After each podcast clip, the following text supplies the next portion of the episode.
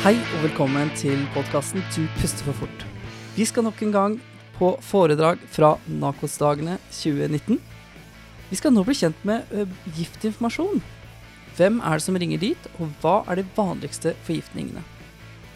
Vi skal også snakke litt om de vanligste problemstillingene giftinformasjon sitter med, og hvordan de er bemannet. Foredragsholderen det er Barbro Johanne Spillum. Hun har bakgrunn som farmasøyt og er seniorrådgiver i Giftinformasjonen. Hjertelig takk til Barbro Johanne Spillum, og nok en gang takk til Nakos for at vi får lov til å formidle disse forelesningene. Og dette foredraget finner du også som videoforelesning på dupusterforfort.com.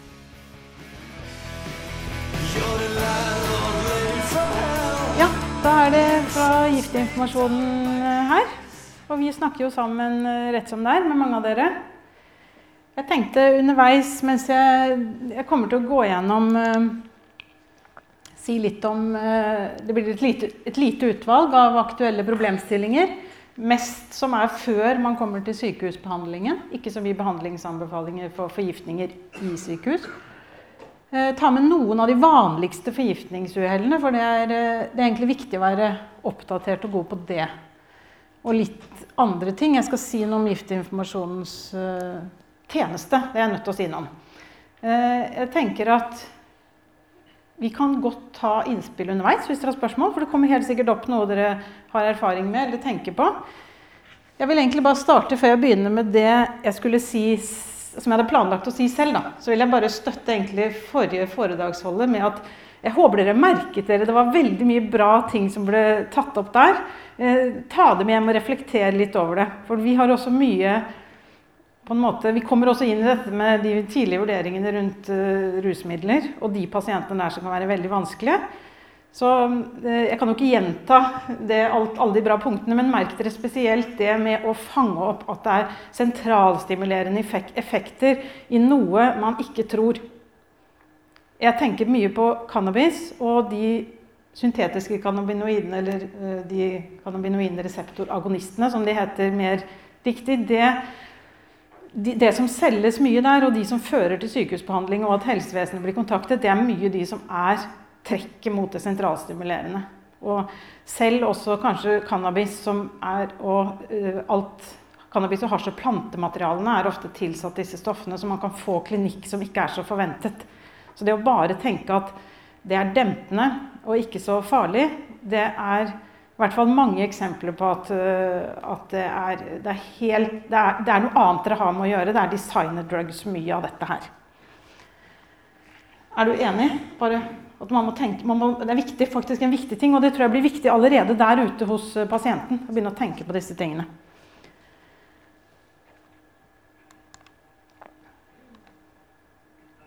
Kommer litt inn Dette er, dette er litt om tjenesten vår, da, for å si litt at for det tenkte Jeg også, jeg vil gjerne ha noen tilbakemeldinger på, på deres erfaring med å bruke oss som tjenestene. Dere kommer i gruppen her. Vi, har, vi, har, vi betjener jo alle, både allmennheten og alle deler av helsevesenet. Så her ser man litt om hvordan eh, Vi har ca. Det er litt over 40 000 eh, eksponeringer som vi vurderer hvert år. Og dere ligger i det er Ca. 30% er fra helsevesen, og legevakt AMK ligger her. Så det er i størrelse sånn. Vi, vi, snakker med dere i praksis flere ganger eh, hver dag. Litt om oss, da. Jeg, er, jeg, vet ikke hvor oppdatert dere er på det. Vi er, eh, alle som svarer på telefonen, er på en måte vi er ganske likt eh, trent, selv om vi har forskjellig bakgrunn. Du snakker med en farmasøyt, veterinær, en lege eller en toksikolog når du ringer til oss. Eh, og vi har, eh, vi har liksom, Før man kan starte i vår tjeneste, så har man en betydelig opplæring og trening i å bli en veileder uh, i forgiftninger. Og fortsetter, vi fortsetter å utdanne oss hele tiden. Det vi gjør er at vi både har telefontjenesten og vi lager, vi lager de skriftlige retningslinjene for hvordan håndtere forgiftningspasienter i, i sykehus. Så I tillegg til kjemikalier, legemidler, så har vi også organismer, alle produktene.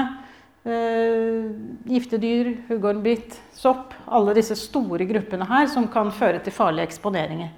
Og jeg tror vi kan være en viktig diskusjonspartner også når det gjelder litt sånn kompliserte ting. At det er mange ting som er tatt samtidig. Det er litt uklart bilde. Så vi kan hjelpe dere å rydde litt i, i de tidlige vurderingene rundt det som kan være en forgiftning. Så skal jeg gå litt på den Det er sånn basic kunnskap. Det er på vurdering av petroleumsdestillater. Som er lampeolje, whitesprit, bensin, disse tingene.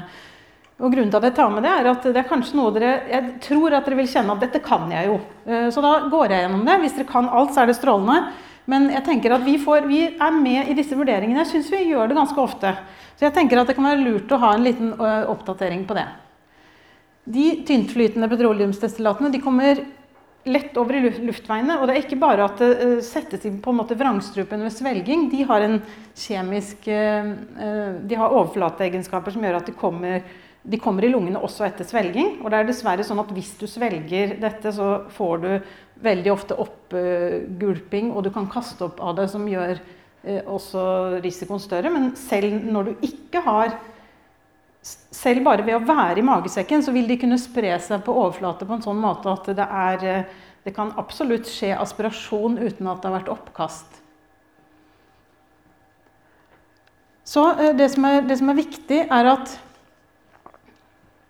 litt om vurderingen, da, er at når, det er vanskelig å si noe sikkert. Man kan ikke si at en, en slurk med tennvæske til en toåring skal til sykehus, eller skal se han hjemme. Det er en vurdering ut ifra hvor det viktigste er om det har skjedd en aspirasjon eller ikke. Så det som er egentlig, og det er slik at mange, mange av disse, uh, som vi ofte gjør, er at vi, vi kan veilede det gjelder både barn og voksne, disse eksponeringene i å se det an hjemme hvis de ikke har de kriteriene for at de må ha en klinisk vurdering eller en behandling på sykehus. Så hvis pasienten er asymptomatisk da, eller hatt bare en sånn kortvarig enkeltstående hoste som ofte er fra det som har kommet i halsen, eller bare milde symptomer, så de, kan de ha en observasjon hjemme i fire til seks timer med veiledning. Det betyr ikke at det alltid går bra. Noen av disse får aspirasjon, men de kan starte hjemme med veiledning. Så de som har mer enn de helt lette symptomene, de bør Noen kan ha vurderingen, den kliniske oppfølgingen begynne på legevakt, andre skal rett på sykehus. Og dette kan være svært alvorlig. Hvis dere har vært borti noen av en, gang, en lav prosent, så er det kjempealvorlig. De som aspirerer tidlig. De, får, de kan kreve at man må gi oksygen og beskytte luftveiene allerede i ambulansen. De, de må raskt til sykehus. Så dette er en typisk eksempel på at en slik svelg går jo eh, ofte bra, men kan ha alle grader fra de moderate til de svært alvorlige. Så hvis man skal si noe om vurderingene Hvis du har en, et barn som har drukket en flaske tennvæske, så uh, skjedde inntaket for ti minutter siden. Du kan kanskje spørre om uh, sannsynlig mengde. Da. Uh, de tror ikke de har drukket veldig mye, for barnet virket for fjamset. Eh, man, man, spør da spesielt med tanke har det vært noe hoste eller tungpustethet. Merker du noe fra luftveiene til barnet? De sier nei. Barnet har vond smak, svie hals og ikke eh, noe aspirasjon, tegn på det at det har kommet i lungene nå. Det vil du høre hvis det har kommet noen milliliter eh, petroleumsdestillater i lungene. Så spørsmålet er trenger barnet legeundersøkelse nå. Nei. Kan vi utelukke at det blir nødvendig med lege- eller sykehusbehandling? Det er også nei. Så da starter man da veiledningen med å eh, se an eh, barnet hjemme. Og da skal man ha beskjed om hva man skal fange opp, se etter. Og noe av det viktige er jo de tiltakene man sier at de kan gjøre for å minske risikoen. Og det er å roe ned barnet. Vi har funnet ut at det beste man kan gjøre, er å gi mat og drikke som barnet liker. At man sier 'velg noe barnet vil ha', ikke tvinge barnet noe. For noen år siden så sa vi at Teoretisk sett så kunne man gi olivenolje og sånne ting, matolje og svelge det. Eh, det har vi funnet ut at er ikke noe god idé, for det, det kan gjøre barn blir kvalme av det. Så det er det vi har falt ned på. Er det, er det beste roe ned situasjonen og gi noe de liker godt. Og så kontakter de helsevesen eller gifteinformasjon på nytt hvis det blir symptomer. Her er eh, Litt om vanlig forgiftningsuhell til barn. Den skal, kan jeg ikke ta i detalj, tenkte jeg, for å uh, komme gjennom det meste. Og jeg vil veldig gjerne ha innspill fra dere. Det må jeg bare presisere igjen. Hvis, dere, hvis det dukker opp noe her nå som dere har lyst til å fange opp, så gjør gjerne det. Jeg kan si noe i hvert fall om de første her. Fluor er egentlig greit, for det er en sånn rett fram-type forgiftning, hvor du, eksponering, hvor du skal vurdere toksisk dose egentlig, og så handle ut ifra det. Veldig sjelden at man kommer opp i noe, eh, noen inntak som, som krever eh, sykehusbehandling, egentlig. Så det har vi mange spørsmål. Trenger, kan ofte se an hjemme. Maskinoppvaskmidlene de er sterkt irriterende, og veldig mange av de kan oppfølges hjemme med veiledning. Det er noe annet med storhusholdningsproduktene som mye oftere er etsende. Og uh, En annen ting vi har mye spørsmål om, er jo sånn fra allmennheten, da, er, er inntak av etanol- og isopropanolholdige produkter. Det gjelder jo for så vidt både barn og voksne med, med hånddesinfeksjonsmidler. Det er klart De voksne kan jo ta fire liter av det og, og ha liksom den type problemstilling fordi de er ute etter den denaturerte etanolen. Men hos barn så har vi erfaring med at uh, selv om ofte foreldrene sier at uh, de aner ikke hvor mye som er tatt, så kan vi avgrense det til å, til å veilede hjemme også med disse produktene. Og en liten sånn joker der er jo at man, det er ikke bare beruselsessymptomer hos barn med disse alkoholene, men også, også hypoglykemi hos en Riktignok lav, men en viss prosent. Sånn at det å gi et måltid mat som oppfølging her eh, til barn f.eks., det er veldig fornuftig. Silikagel er ikke noe problem. Det er det fortsatt noen som tenker på. Jeg kan tenke på også Det man kan si om nikotinholdige produkter, er at én eh, til to snus kan ofte ses an hjemme. Av de porsjonssnusene. Det fins riktignok noen snusprodukter som har veldig høyt innhold av nikotin. Men mange av de kan ses an hjemme. Uh, mange er veldig redde for det, inntak og snus til de små barna. Men det kan ofte gå, gå an å veilede, hjemme, uh, eller, ja, veilede dem hjemme. Sigaretter går ofte greit. Med tobakk inntil 1-2 sigaretter hos barn etter fire år går uh, greit å veilede om hjemme. De blir ofte bleke, du får sykdomsfølelse, kaster opp. Fordelen med nikotin er at effekten slår inn raskt. Den går over raskt. Så du kan kontrollere det ved å følge barnet noen timer sånn porsjonspakket snus kan ta litt lengre tid før oppkastet kommer. E-sigarettvæsker er et problem. Fordi det eh, Det er en veldig sånn variabel produktgruppe, men de finnes det finnes de refilene til e-sigaretter som har en veldig høy, høy nikotinkonsentrasjon. Eh, og de er jo tilgjengelige hjemme, og de lukter ofte veldig godt. Så det, det, kan skje at barn tar en, en, eller to slurker av de produktene og får i seg en sånn skyhøy konsentrasjon med nikotin. Så vær litt obs på det. Det jeg skal si litt om vår, vår rolle, da, det er at jeg kan, det, det jeg bare tenkte bare For å vise litt hvordan vårt, vårt samfunnsoppdrag er. Og nå, dette er eksponeringen hos barn. I de aller, nå kanskje den der prosenten her falt ut, men dere ser det jo. I de aller fleste tilfeller kan vi, og dette er vår, vårt system, da, hvordan vi vurderer det, er det uh, ikke fare for forgiftning eller fare for lett eller lett forgiftning. Slik at når uh, når vi får disse, disse, eksponeringene, som vi har veldig mange av Hvis dere husker den forrige statistikken på antallet, det er en ganske høy andel som er barn så gjør vi eh, veiledning hjemme i over 90% av tilfellene hos barn.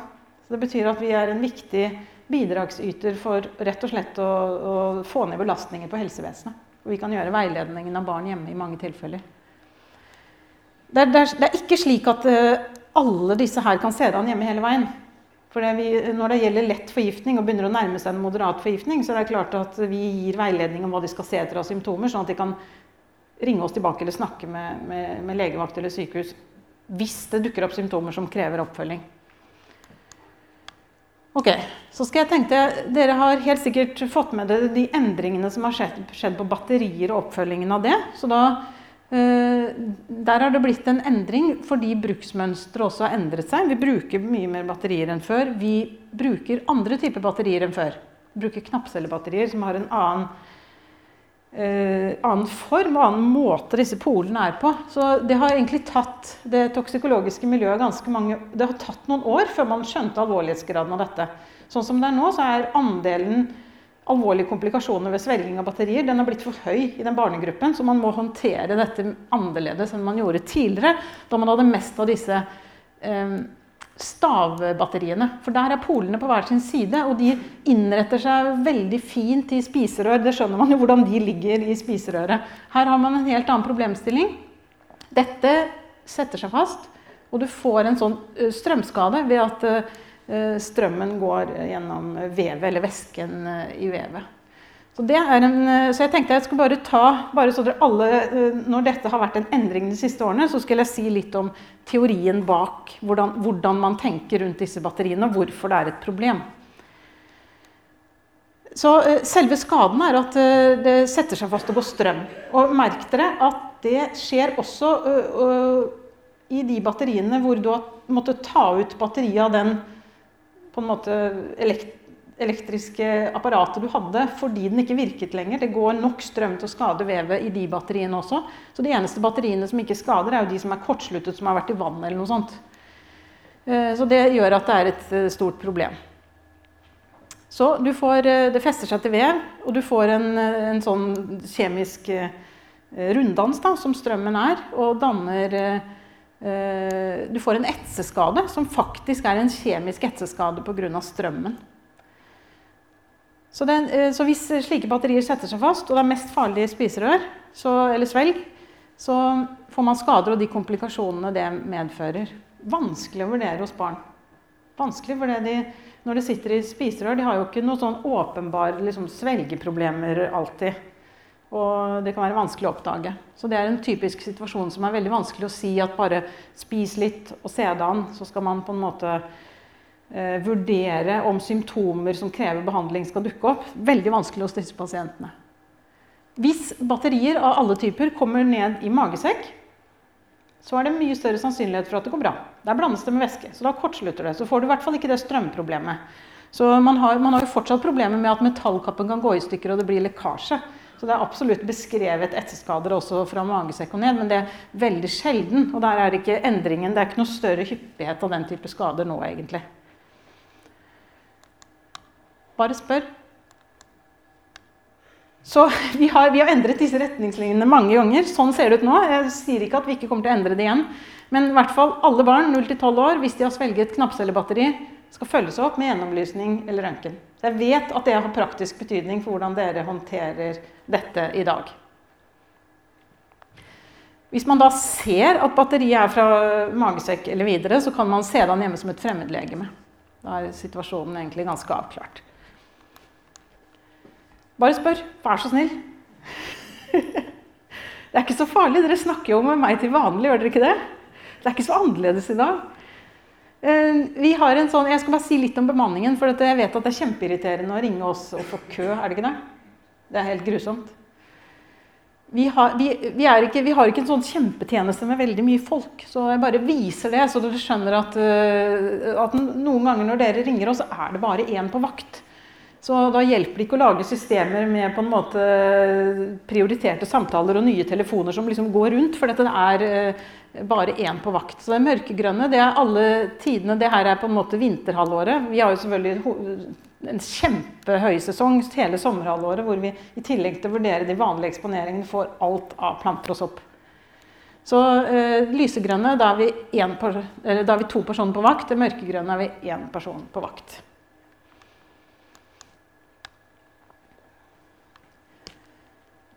Paracetamol tenker jeg at jeg vil bare si noe om. for da kan dere, tror jeg at dere kan gjøre en forskjell i vurderingene. Um, så har jeg, jeg, har alltid lyst til å presisere det, hva som er viktig med paracetamol.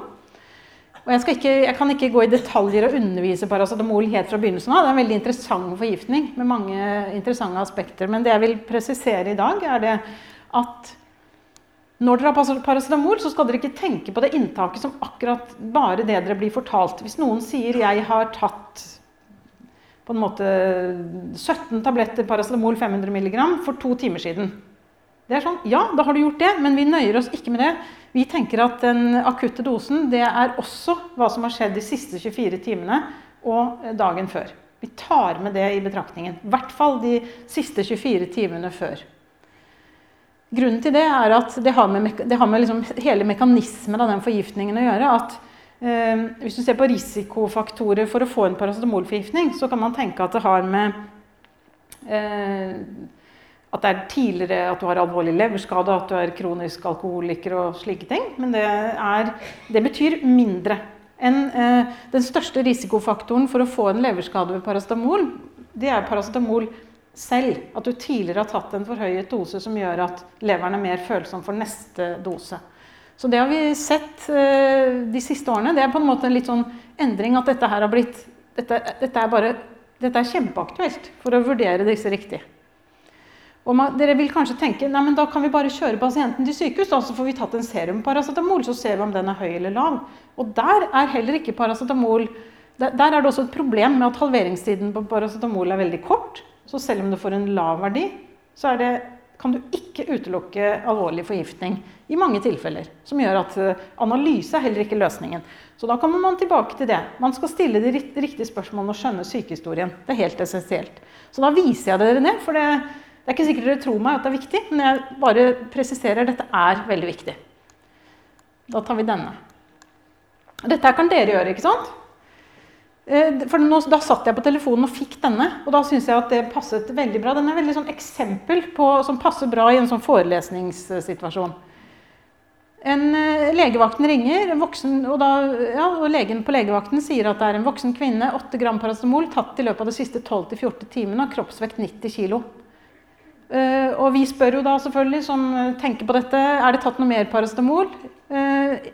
Og de sier nei, det er det vi har fått oppgitt. Det var ikke indikasjoner på at det hadde tatt noe mer.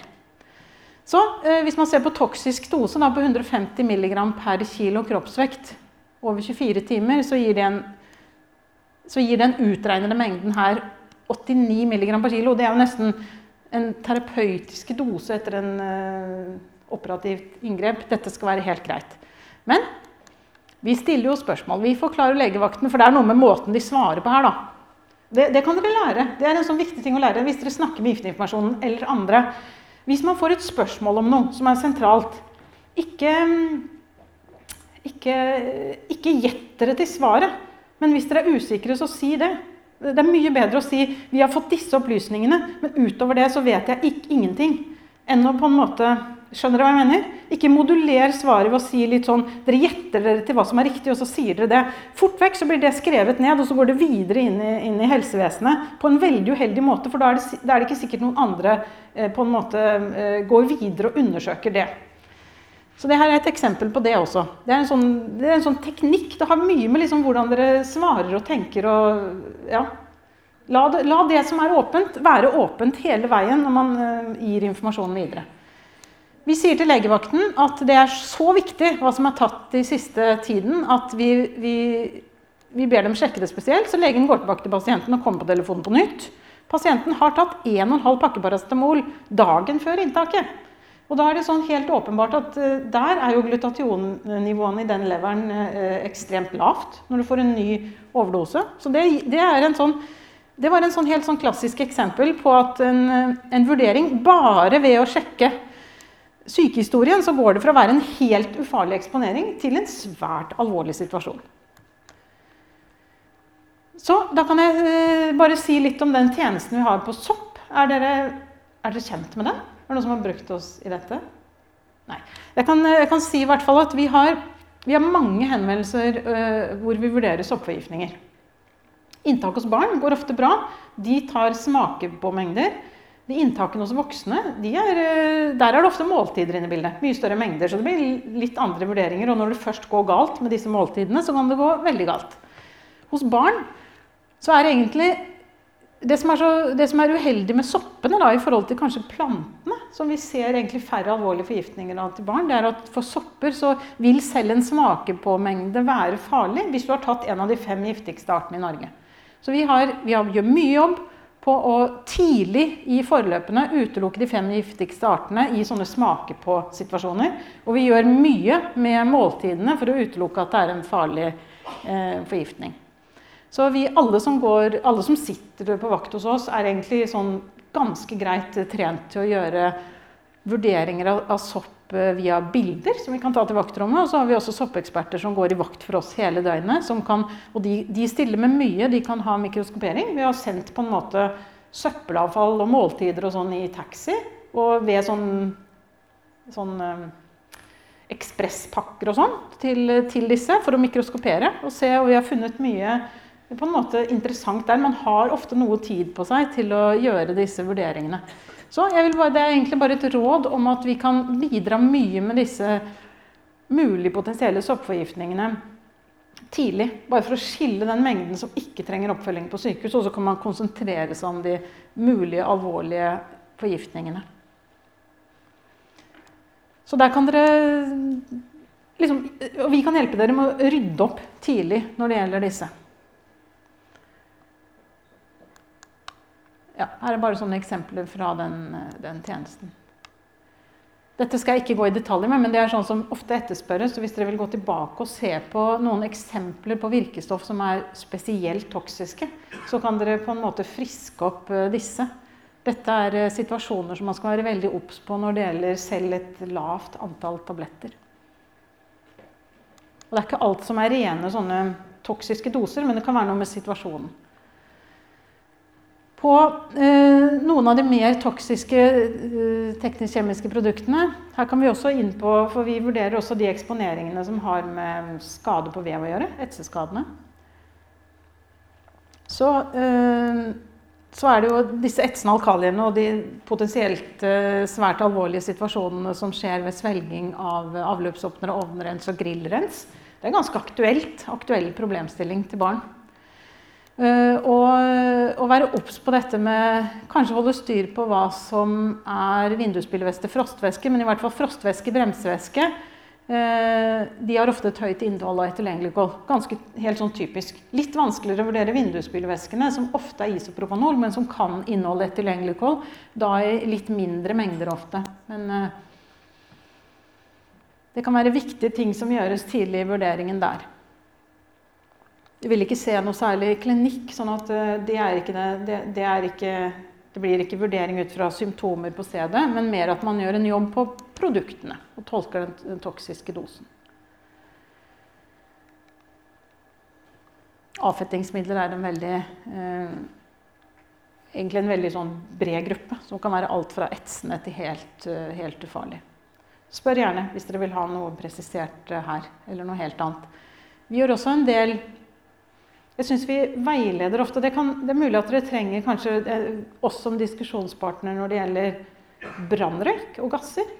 For det er i hvert fall min erfaring at jeg syns både legevakt og sykehus trenger ofte en diskusjonspartner på akkurat de punktene der. Hvordan vurdere en eh, pasient som har vært utsatt for brannrøyk. Stemmer det med deres erfaring at det kan være litt vanskelig? Jeg syns i, i, hvert fall at vi kan ofte ha noe å bidra med i diskusjonen på de pasientene. Ja, det er bare litt avgrensninger i forhold til hva vi ikke svarer på. sånn at det som går på ren sånn mikrobiologi og smitte og slike ting, det er ikke vårt bord. Eh, heller ikke allergireaksjonene og det som er fremmedlegemer som ja, svelget glass og slike ting. Og strømskade, bortsett fra dette med batterier. da. Og vi er ikke, vi er egentlig, sånn, det er pga. egentlig behovet. Eh, så har vi ikke samme Vi har ikke satt opp samme store apparat rundt eh, planter og identifikasjon av planter. Så der benytter vi oss ofte av andre metoder for å avgrense at det ikke er en eh, At det ikke er en, en forgiftningssituasjon. Så her er noen, bare noen punkter til diskusjon med dere. da. Eh, jeg jo her litt eh, etterpå, hvis dere vil snakke direkte med meg. Jeg håper jo at noen tør å si noe i salen også. Eh, jeg tror at det er veldig viktig med denne, dette forgiftningspasienten på stedet. Det, den jobben. Og jeg tenker sånn, Er dere klar over hvor viktig jobb det er? Og hvor mange av disse forgiftningene hvor det har vært gjort utrolig mye bra jobb på stedet. Det å se høre, fange opp, stille de rette spørsmålene. Eh, få med seg ting eh, på stedet. Også, og refleksjon rundt det. Tolke løgn og usannheter. Alt det der er ekstremt viktig, og det er dere med på å gjøre en kjempejobb på. Um, dekontaminering. Her er det blitt strengere kriterier. Det gjøres, uh, gjøres, noe sjeldnere dekontaminering, og man gjør det ofte litt mer avgrenset tidsrom. Så kan aktuelle, vi kan være aktuelle i diskusjonen i hvor pasienten skal, og hvilken, eh, hvilken dekontaminering som er aktuelt. Tenker man på ventrikkelskylling og kull, f.eks. Sånn som det å skylle, det er aldri feil. Det å starte skyllingen, eh, sånn at det å tenke på liksom at man må identifisere et kjemikalium på øyet f.eks., så man ikke gjør vondt verre med skylling, og sånn, det, det, er bare å starte. Det regner jeg med at dere har fått uh, opplæring på.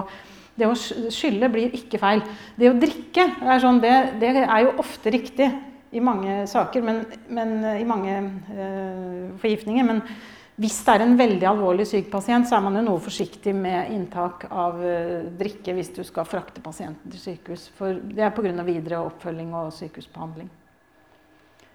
Det jeg pleier å si, er jo det at når man har mye helsepersonell på et sted, så pleier jeg å si dette om at huggormbitt det er, en, eh, det er, helt umulig å bli kvitt den vrangforestillingen om at huggormbitt og utviklingen av huggormforgiftning har med personens egen følsomhet å gjøre, og at det har med allergi på samme måte som bier og veps og slike ting. Det er helt feil. Dette er en ren forgiftning hvor stor dose gir alvorlig forgiftning, liten dose gir liten forgiftning.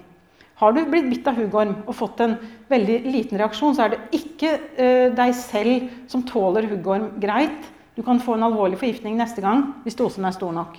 Bare vær obs på det. Og du skal ikke følge opp disse pasientene som en allergi. Du skal ikke sende dem hjem med EpiPen.